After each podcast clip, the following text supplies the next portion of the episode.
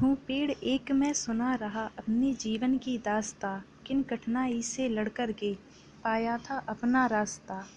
आँखें खोली, कोमल सा मैं, धरती माँ के आंचल में था।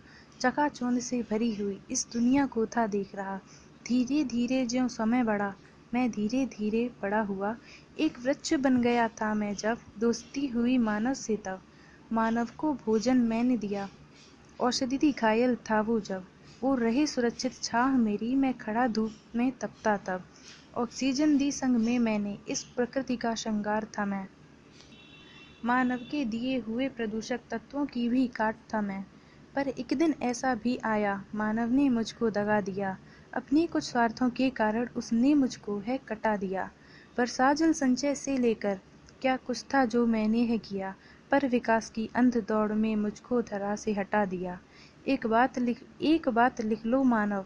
धमकी, समझो या चुनौती मेरी। वृक्ष बिना धरती होगी रेगिस्तानी बंजर भूमि। Thank you so much